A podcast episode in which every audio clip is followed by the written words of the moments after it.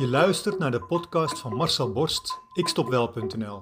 Hoe je heel eenvoudig kunt stoppen met roken.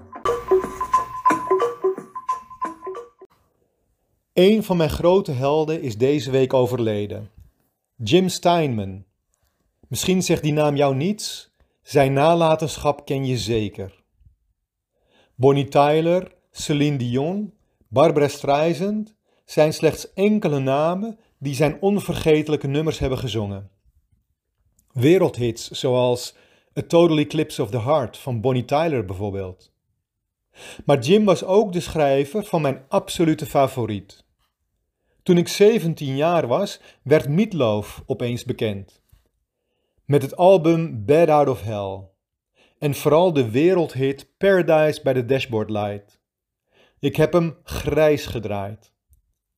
Het gaat over een puber die zijn hormonen niet onder controle kan houden en maar één ding wil met zijn vriendinnetje tijdens het kijken van een film in een drive-in bioscoop. Hij wil het, zij wil net iets anders.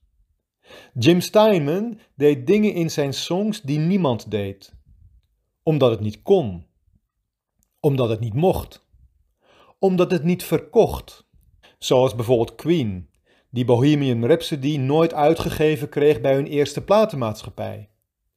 Ze waren nog niet zo bekend en de uitgever vond het nummer waardeloos, omdat er veel te veel grote tempowisselingen in zaten. Dat koopt werkelijk helemaal niemand, had die man voorspeld. Maar Queen geloofde in zichzelf, veranderde van platenlabel en de rest is geschiedenis.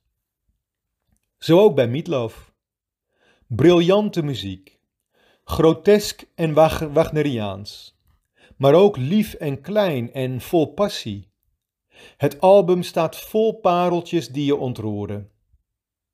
Niet doen wat verwacht wordt, maar iets totaal anders doen, met succes.